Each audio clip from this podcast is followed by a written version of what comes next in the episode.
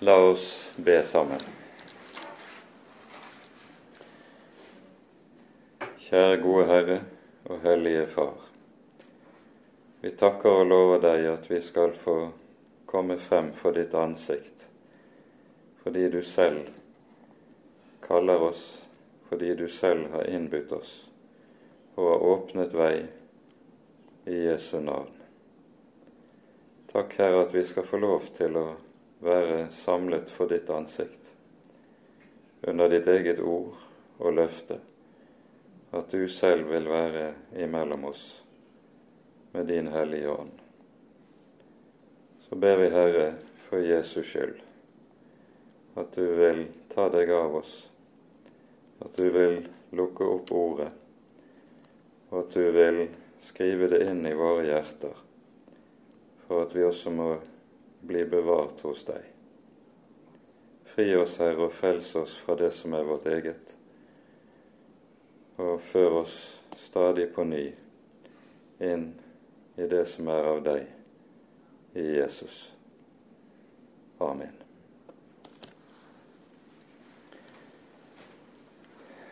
Som nevnt så er det da slik at det tolvte kapittelet i apostlenes gjerninger det er et så å si et overgangskapittel, i og med at med kapittel 13 så begynner andre hoveddelen av dette skriftet. Første hoveddelen, som går altså fra kapittel 1 til 12, dreier seg om eh, menigheten i Jerusalem og virksomheten til de sentrale apostlene i Jerusalem mens fra kapittel 13 av er det apostlenes gjerninger får hovedfokus på apostelen Paulus og hans virke og hedningemisjonen, og hvorledes evangeliet nå når ut i hele det store Romerriket. Men la oss nå først lese det tolvte kapittel i sammenheng før vi ser nærmere på enkeltheter her. I Jesu navn. På denne tiden la kong Herodes hånd på noen av menigheten og mishandlet dem. Jakob, Johannes' bror, drepte han med sverd. Og da Herodes så det var til glede for judeerne, gikk han videre og grep også Peter det var i de usyrede brøds dager. Da han hadde grepet ham, satte han ham i fengsel og overga ham til fire vaktskift, hver på fire mann, for at de skulle passe på ham. Etter påsken ville så Herodes føre, fram, føre han fram for folket. I mellomtiden ble Peter holdt i fengsel, men det ble gjort inderlig bønn til Gud for ham av menigheten. Natten før Herodes skulle føre han frem, sov Peter mellom to soldater. Han var bundet med to lenker, og det sto vaktmenn utenfor dørene og voktet fengselet. Og se, en Herrens engel sto der, og et lys skinte i fangerommet. Han støtte Peter i siden og vekket han opp og sa, Skynd deg å stå opp og lenkene falt av hans hender. Og engelen sa til ham, Spenn beltet om deg og ta skoene på. Han gjorde så, og han sier til ham, Kast kappen om deg og følg meg. Han gikk da ut og fulgte ham. Han forsto ikke at det som engelen gjorde, var virkelig, men trodde at han så et syn. De gikk forbi både den første og den andre vakten og kom til jernporten som førte ut til byen. Den åpnet seg av seg selv. De gikk ut og fortsatte en gate til endes, og plutselig forsvant engelen for ham. Da kom Peter til seg selv og sa, Nå vet jeg for visst at Herren har utsendt sin engel og fridd meg ut av Herodes hånd og fra alt det som jødefolket har gått og ventet på. Da Peter var blitt klar over dette, gikk han til Marias hus. Hun var mor til Johannes med tilnavnet Markus. Mange var samlet der og ba. Han banket på døren til portrommet, og en pike ved navn Rode kom ut for å høre etter. Da hun kjente igjen Peters stemme, glemte hun av bare glede å åpne døren, men sprang inn og fortalte at Peter sto utenfor. De sa til henne, Du er fra sans og samling. Men hun forsikret at slik var det. Da sa de, Det er hans engel. Imens fortsatte Peter å banke på, og da de åpnet og fikk se ham, ble de ute av seg selv av undring. Han ga tegn til dem med hånden at de skulle tie. Og så fortalte han dem hvorledes Herren hadde ført ham ut av fengselet. Og han sa, Fortell dette til Jakob og til brødrene. Så gikk han bort og dro til et annet sted. Om morgenen ble det ikke lite oppstyr blant soldatene. De undret seg over hvor Peter var blitt av. Herodes lot lete etter ham, men fant ham ikke. Han tok da vaktmennene i forhør og bød at de skulle føres bort. Selv dro han fra Judea og ned til Cesarea og ble værende der. Han var meget forbitret på folket i Tyrus og Sidon men de ble enige om å tre frem for ham. Da de hadde fått Blastus, kongens kammerherre, på sin side, ba de om fred, fordi landet deres fikk sine forsyninger fra kongens land. På en fastsatt dag kledde så Herodes seg i kongelig skrud. Han satte seg på sin trone og holdt en tale til dem, og folkemengden ropte:" Dette er Guds røst ikke et menneskes. Straks slo en Herrens engel ham, fordi han ikke ga Gud æren, og han ble fortært av ormer og døde. Men Guds ord hadde fremgang og bredte seg stadig videre ut. Og Barnabas og Saulus vendte tilbake fra Jerusalem etter at de hadde fullført sin tjeneste. De tok med seg Johannes med tilnavnet Markus. Amen.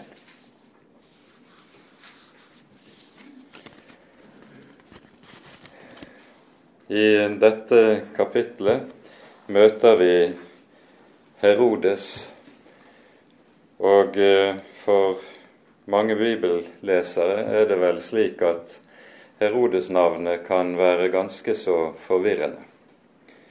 Det er nemlig slik at i Det nye testamentet møter vi tre forskjellige Herodeser. Alle sammen kalles Herodes. Ehm, men det er altså tre ulike personer det dreier seg om. Den første Herodes er Herodes den store. Det er han som søker å drepe Jesusbarnet eh, slik vi hører det i Matteusevangeliets annet kapittel. Eh, det er Herodes den store, og han vet man fra historiske kilder dør i år fire før Kristus. Dette er jo en av hovedårsakene til at vi vet at tidfestingen av Jesu fødsel den er ganske feil. Han var antagelig født fem, seks eller syv før Kristus. Men dette er altså den første Herodes vi møter i evangeliene. Den neste Herodes vi møter, det er den Herodes som uh, dukker opp i forbindelse med forhøret av Jesus, og som også er den som er ansvarlig for at døperen Johannes blir halshugget. Det er Herodes Antipas, som er en av Herodes den store sine sønner. Når Herodes den store dør, han hadde jo makten over hele det området som i dag utgjør Israels land, pluss en del andre områder også øst for Jordan. Hans rike ble delt i fire etter Herodes den stores død, og en av sønnene, Herodes Antipas, er da den som har makten, bl.a. i Jerusalem, og derfor også er med og forhører seg og forhører eh, Jesus i forbindelse med lidelseshistorien. Så er det da den tredje Herodes som vi møter i, i um, dagens tekst. Det er Herodes Agrippa, som er sønnesønn av Herodes den store og sønn av en av Herodes-sønnene som het Aristobulus, og som ikke hadde noen som helst politisk makt. Han levde som et vanlig menneske, ganske velhavende rett nok, men dog. Eh, Aristobulus ble som mange andre i Herodes den stores familie også henrettet av Herodes den store. Men eh, mens sønnen, som altså er Herodes Agrippa, blir sendt til Roma, der han eh, oppfostres og går i skole med en av de som senere blir keiser, nemlig Claudius. Han er en nær venn av Claudius. Så når Claudius får keisermakten i år 41, så gir Claudius også Agrippa eh, makten over hele det landområdet som Herodes den store var konge på. Og han får også navnet, eller tittelen, konge av keiser Claudius. Så Herodes Agrippa er en som har betydelig makt, men han kommer ikke til å sitte med makten så veldig lenge. Han dør allerede i år 44. Og Det er hans død vi altså hører om i slutten av kapittelet. Og Dette er en av de begivenhetene som eh, gjør det mulig for oss å tidfeste mer nøyaktig en del av begivenhetene i apostlenes gjerninger. Agrippa dør altså i år 44. Han eh, er noe av en levemann. Enkelte historikere kaller han for en laps. Men han eh, eh, legger stor vind på å prøve å være på god fot med det jødiske folk som han er satt til å herske over. Eh, han hadde delvis fått makten over landet allerede før Claudius kom til keisermyndighet, da nemlig Caligula styrte i Roma. Og Caligula eh, ville jo sette opp et bilde av eh, guden Sefs i tempelet i Jerusalem. Men eh, Agrippa, Herodes Agrippa setter seg imot dette og får forhindret det med fare for sitt eget liv. Og trosse Caligula det gjorde man som regel ikke uten å bli et hode kortere. Men Herodes Agrippa klarte altså å utvirke at Sevs-bildet, avgudsbildet, ikke ble stilt opp i tempelet i Jerusalem. Og Dette gjorde at det jødiske folk og folkets ledere, fariseerne og saduseerne, fikk et meget positivt forhold til ham. Og Han søker også å opprettholde tradisjonell eller ortodoks jødedom i sine landområder. Så er det antagelig denne religionspolitikken som også er årsaken til at han finner ut at det vil tjene til beste for ham selv om han eh, forfølger menigheten i Jerusalem. Og Dermed så begynner den andre kristenforfølgelsen i Jerusalem. Den første brøt jo ut, slik vi hører det i forbindelse med Stefanus død. Eh, vi hører det i begynnelsen av kapittel 8 i apostelgjerningene. Men nå begynner den andre kristenforfølgelse. Den omtales meget kortfattet. Vi hører bare at det sies at han la hånd på noen av menighetene og mishandlet dem. Vi vet ikke stort mer. Men én sak nevnes spesielt. Jakob, Johannes' bror, drepte han med sverd. Og Det betyr at eh, Jakob da blir halshugget. Eh, det er helt påfallende hvorledes Jakob, som her henrettes, som altså er den første av apostlene som lider martyrdøden, at dette, denne henrettelsen, dette martyriet, nevnes nesten bare i forbifarten, uten at Lukas vier det noe større oppmerksomhet.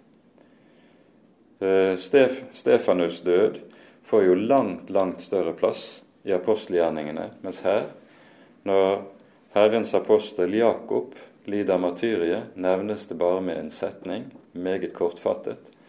Vi får ikke høre noe om omstendighetene rundt det, vi får ikke høre noe ellers. Eusebius, kirkehistorikeren på slutten av 300-tallet, omtaler dette noe mer eh, fyldig, men vi blir ikke veldig mye klokere på hva som faktisk skjer i forbindelse med Jakobs død. Jakob er en av tre som bærer navnet Jakob i Jesu omkrets. Vi har to av Jesu disipler som bærer navnet Jakob. Det er Jakob og Johannes som er Sebedeus' sønner, fiskere. Vi hører i Lukas 5 hvorledes de kalles sammen med Peter og Andreas. Dernest har vi Jakob, Alfeus' sønn. Han nevnes i apostellisten i Matteus 10, men han hører vi overhodet ikke om ellers i Det nye testamentet. Han er meget anonym, meget tilbaketrukket.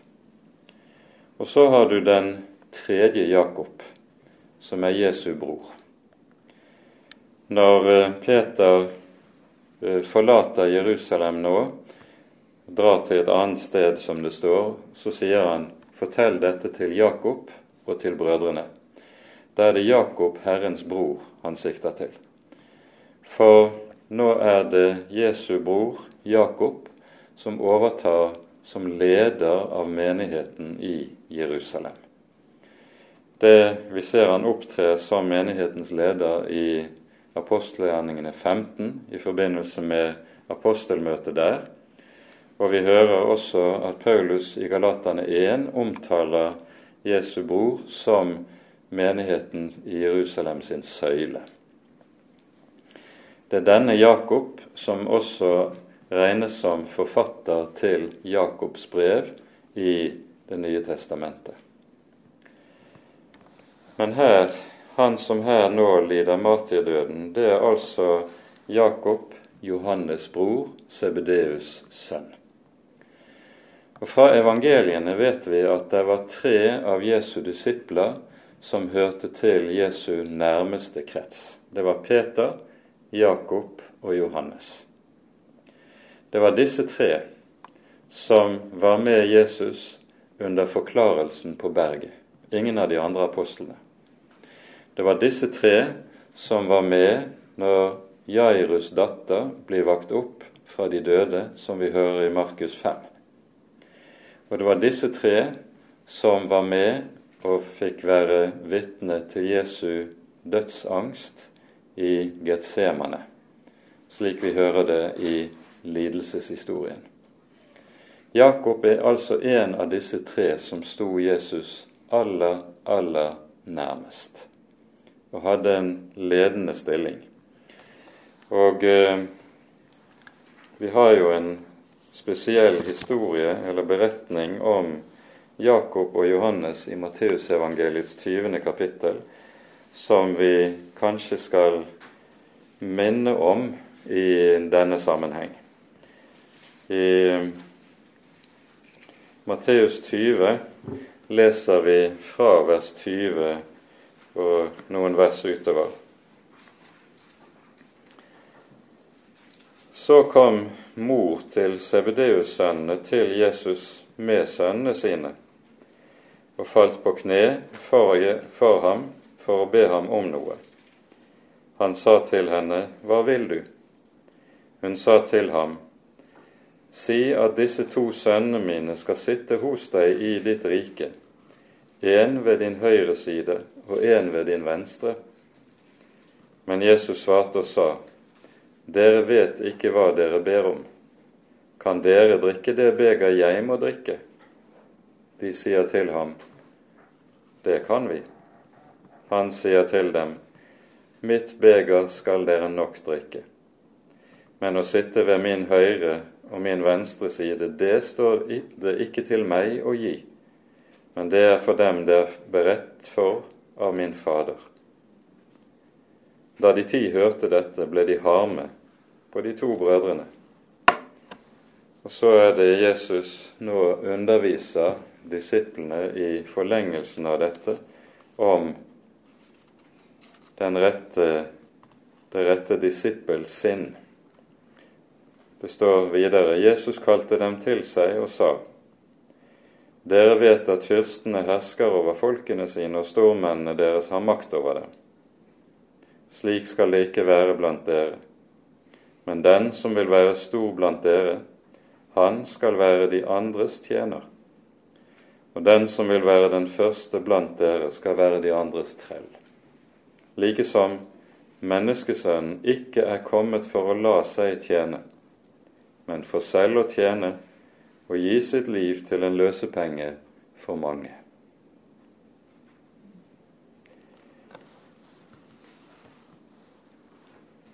Der er altså slik også i Guds rike at den naturlige menneskelige ærgjerrighet, den sitter også tilbake hos oss etter at man blir et kristent menneske synden bor hos oss. Og denne ærgjerrigheten kan også tyte ut hos tjenere i Guds rikes sammenheng, der trangen til å være først, trangen til å være stor, trangen til å få ære, stadig gjør seg gjeldende. Så er det altså Jesus må lære disiplene om noe av dette grunnleggende. I Guds rike er det motsatt av i denne verden. Den første skal være de andres tjener. Den minste er den som er den største. Når eh, Jesus stiller spørsmålet til Johannes og Jakob ved denne anledning kan dere drikke den kalk jeg må drikke? Og de svarer det kan vi så vet de antagelig ikke hva de sier ja til. I Getsemane, når Jesus ber sin bønn, Fader, om det er mulig, da la denne kalk gå meg forbi. Da begynner de kanskje å ane noe av hva kalken, hva begeret, dreier seg om. Og da ble det kanskje ikke så attraktivt lenger akkurat det. Men det vi altså nå møter i apostelgjerningene 12, det er at nå har Jakob måttet drikke dette begeret, lidelsens beger, der han lider døden for Jesu skyld. En kan undre seg over hvorledes Gud styrer i slike sammenhenger. Den ene lar han lide martyrdøden, den andre, som like sikkert menneskelig talt også ville lide martyriet etterpå, Peter, han berges ut. Hvorfor gjør Herren slik? Vi vet ikke. Og her er det umulig for oss å gjøre Gud regnskap. Han styrer slik som han ser det gagnlig for sitt rike. Men Jakob ærer altså den Herre Jesus med sin død. I dette så møter vi noe som allerede innenfor jødedommen lenge før Jesu tid var uhyre betydningsfullt. Eh, det er et eget uttrykk som anvendes eh, på hebraisk om dette. Al-Kiddush Hashem, til helligelse av navnet Og dette uttrykket anvendes kun om det å lide martyrdøden for Herrens skyld. Dette er noe som i prinsippet eh, var krevet av enhver troende jøde. Ut ifra ordene i 5. Moseboks 6. kapittel, der vi hører Israels trosbekjennelse. Hør, Israel, Herren din, vår Gud, Herren er én. Og du skal elske Herren din Gud av alt ditt hjerte av all din sjel og av all din kraft. Det å elske Herren av all sin sjel, det innebærer nettopp det å være villig til å gi livet for bekjennelsens skyld. Og Dette har altså en egen betegnelse innenfor uh, jødedommen, som var de første kristne i Jerusalem nok var vel fortrolige med. De lider døden al-Kidush Hashem til navnets helligelse.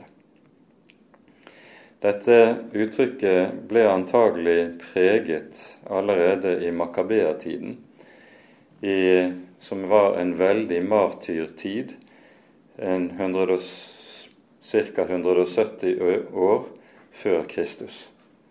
Da Antiochus Epifanes eh, forfølger de troende jøder, og denne Antiochus blir jo også i Det nye testamentet selve urbildet på den antikrist som en dag skal tre frem.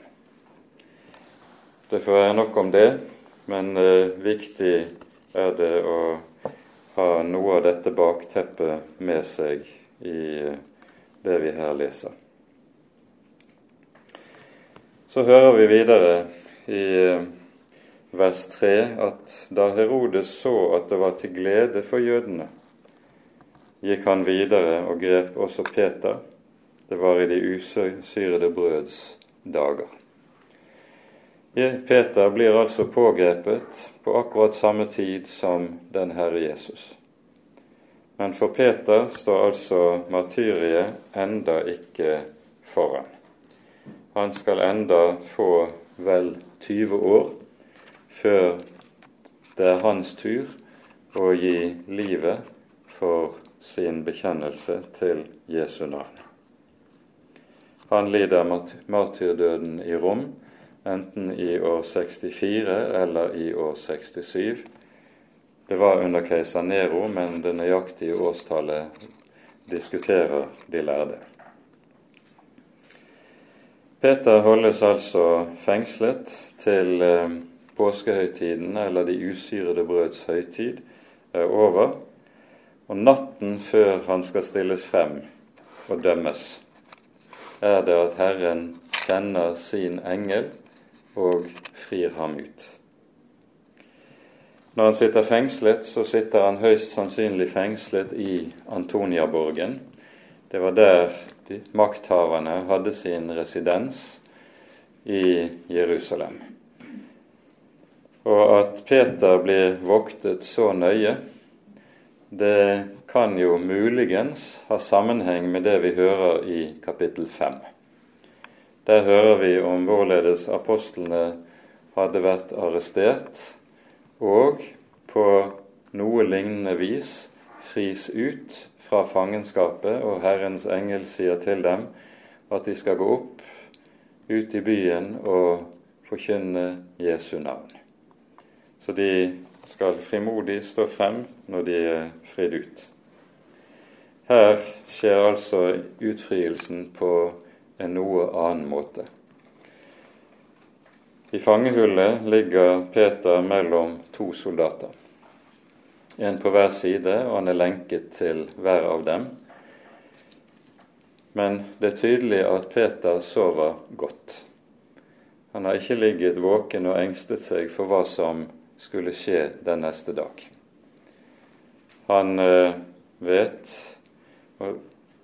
at han er i Herrens hender, hvordan det nå enn går for han.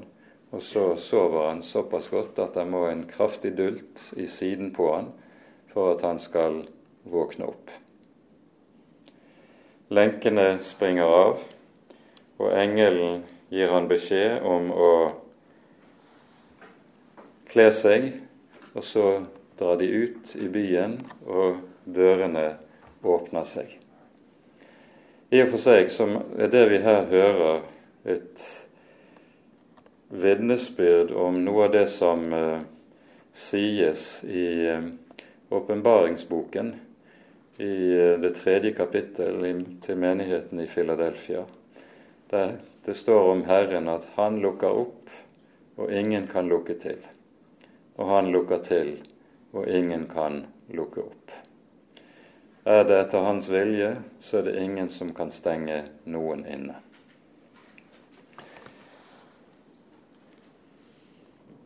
Og så er det Peter. Det står nokså enkelt om han at han til å begynne med bare tror at han er i drømme, at han ser et syn. Og det er først på når de er kommet ut i nattemørket på gaten, og han er forlatt av engelen, at han sanser seg, som vi, vi ville si det. Det sies om englene i eh, Hebreabrevets første kapittel at de er tjenende, tjenende ånder som sendes ut til tjeneste for Guds barn. Og I apostlenes gjerninger møter man dem i noen ulike sammenhenger. Um, men det er så å si slik at når englene omtales, så omtales de med en selvfølgelighet eh, som gjør at alle anstrøk av det vi vil kalle sens noe sensasjonelt, det, det, er borte. Det finnes ikke i sammenhengen. I, rett ofte er det jo slik at når mennesker kan tale om englene, så får du fornemmelsen av nettopp noe sensasjonelt. Mens her er det slik at de er tjenende ånder som Herren sender ut ettersom det behager ham, og ferdig med det. Det er Herren som utfører sin gjerning gjennom sine redskaper.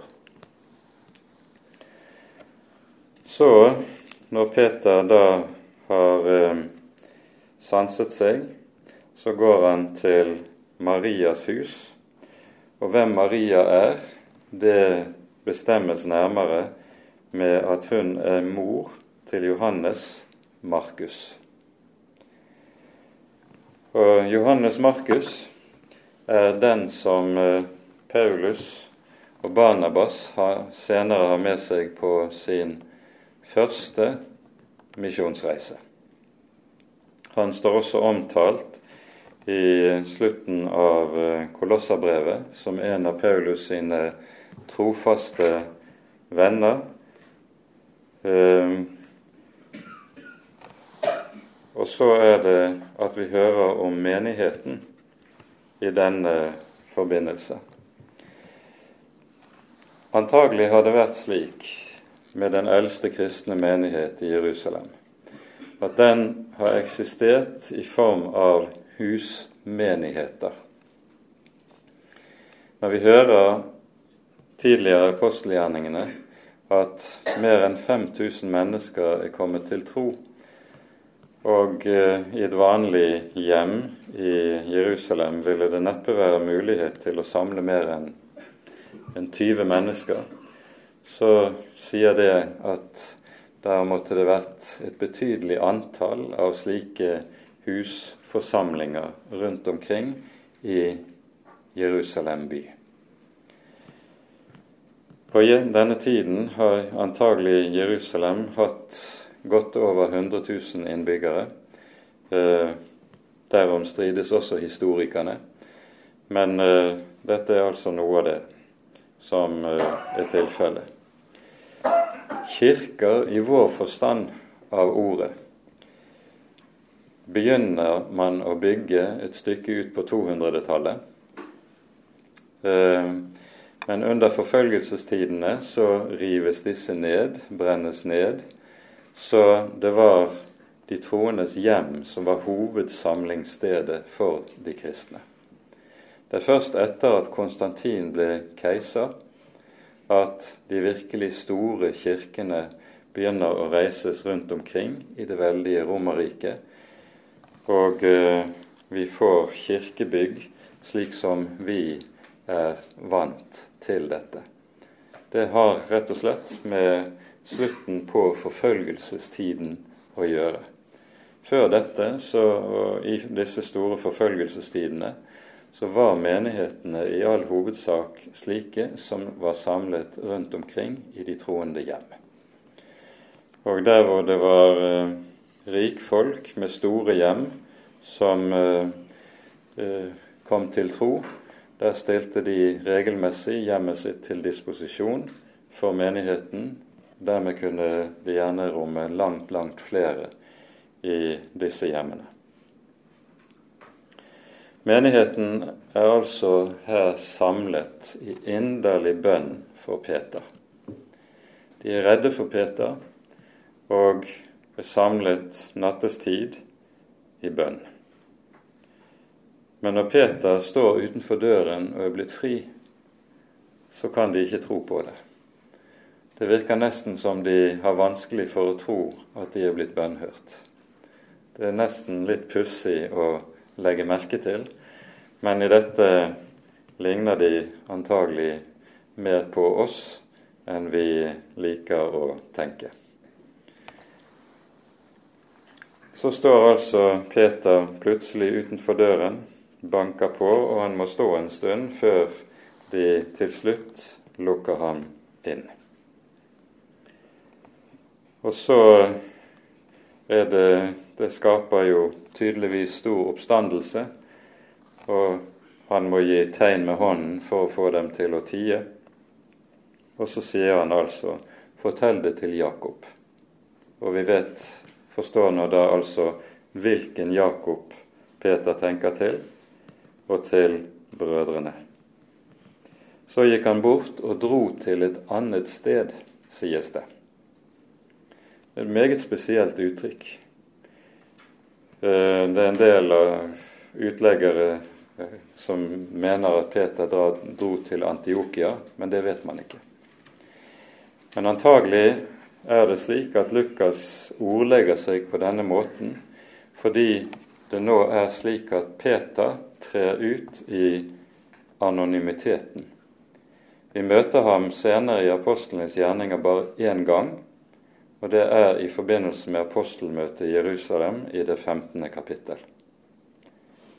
Nå er det beretningen om Paulus' misjonsvirksomhet som overtar fokus.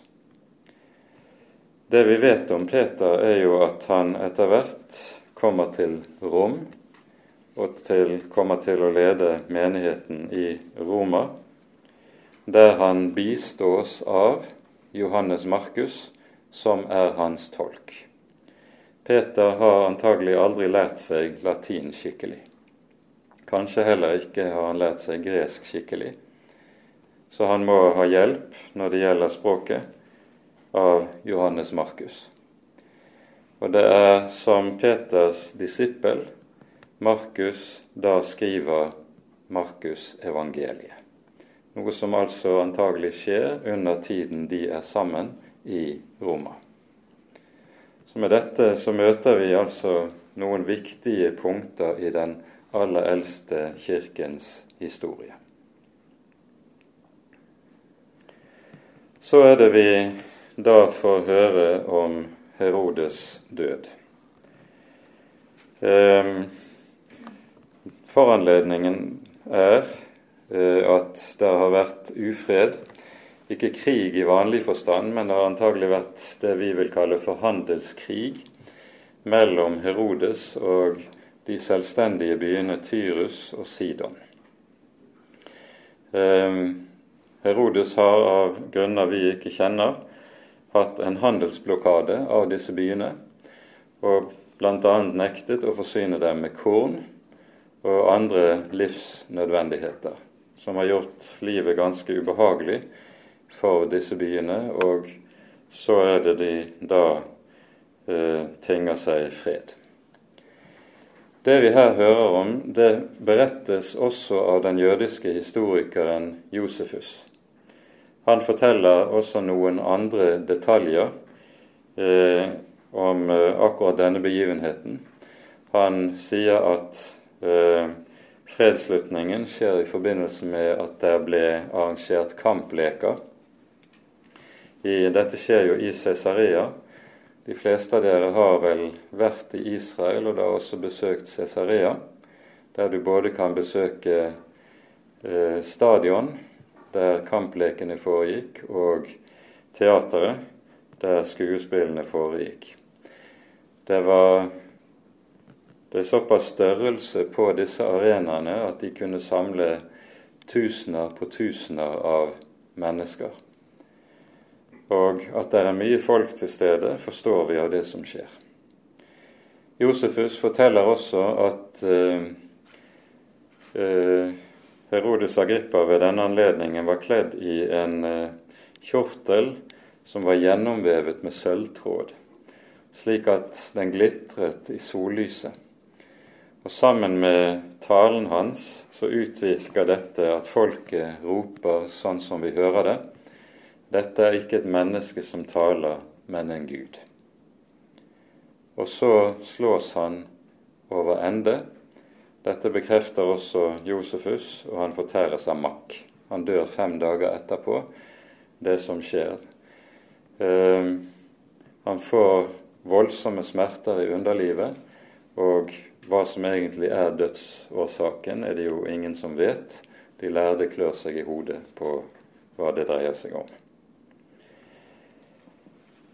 Men det som er klart ut av det som sies i teksten, er at når Herodes her lider døden, så er det en Guds dom over hans hovmot.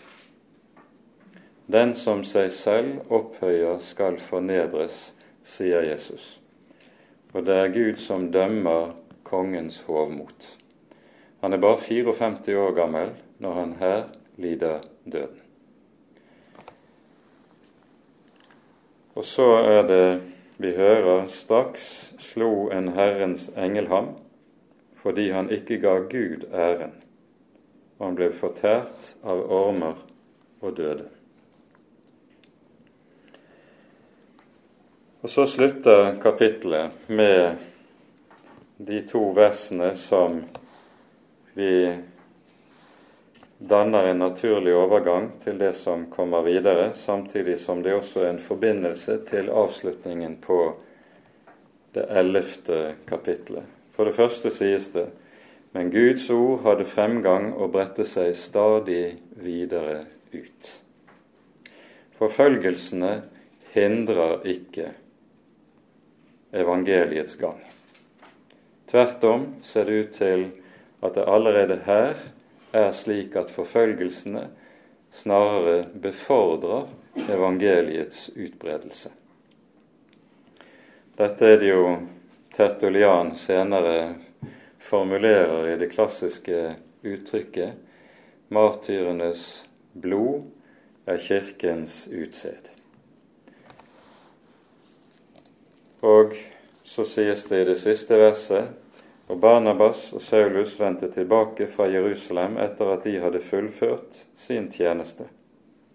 De tok med seg Johannes med tilnavnet Markus. De vender tilbake altså til Antiokia. I slutten av kapittel 11 eh, fortelles det at menigheten i Antiokia hadde samlet inn penger til de fattige i Jerusalem pga. den hungersnøden som eh, var i i landet, og pga. alle de fattige i menigheten i Jerusalem. Så det er den tjenesten det taler om at Barnabas og Saulus altså har fullført. Senere, både i apostelgjerningene og i Paulus' brever, hører vi at den tjenesten med å samle inn til de fattige i Jerusalem er noe som Paulus stadig var opptatt med under sine misjonsreiser. Særlig andre Korinterbrev eh, er meget opptatt av dette. Her er innsamlingen til de hellige i Jerusalem viet hele to kapitler i brevet. Og eh, vi forstår at dette er noe som har ligget Paulus meget på hjertet. Eh, omsorgen for de fattige i Jerusalem.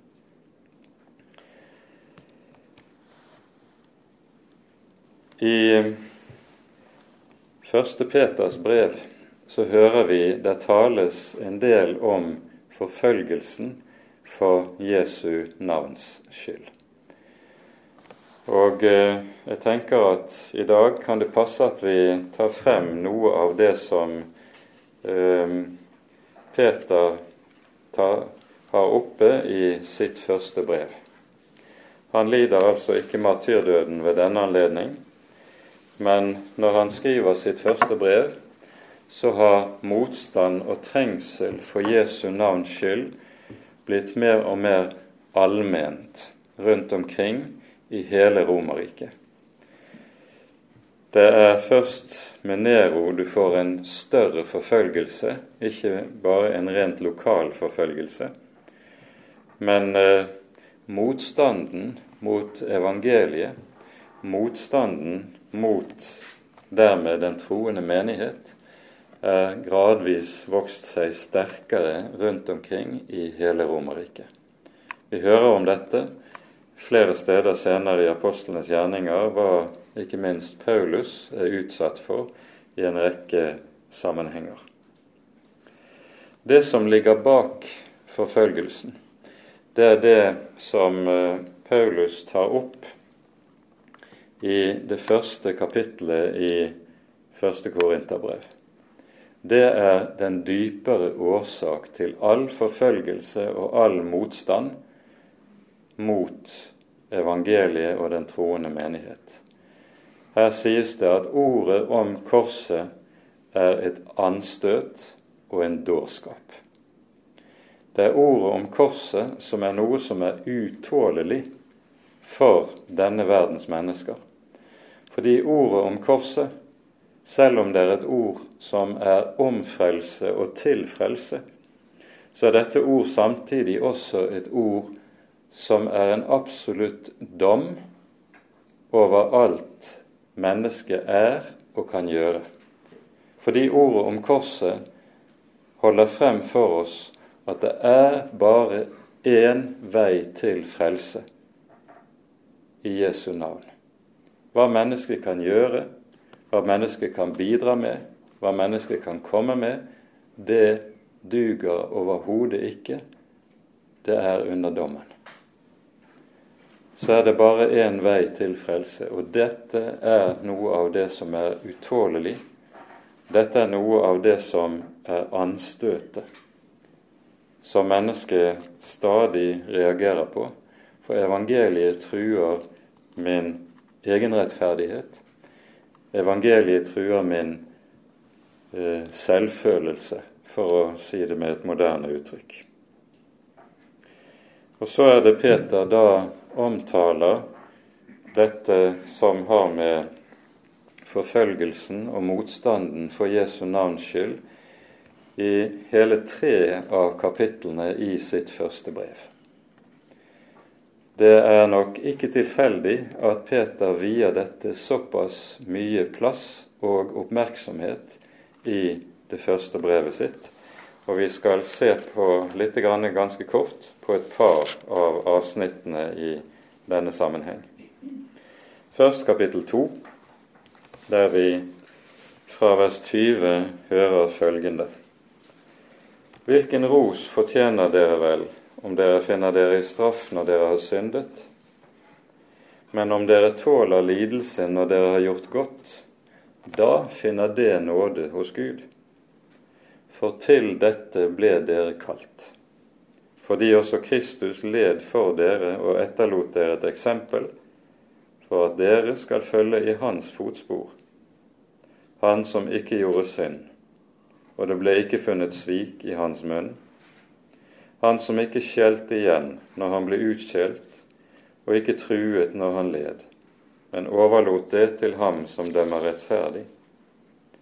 han som bar våre synder på sitt legeme opp på treet, for at vi skal dø bort fra syndene og leve for rettferdigheten. Ved hans sår er dere blitt lekt.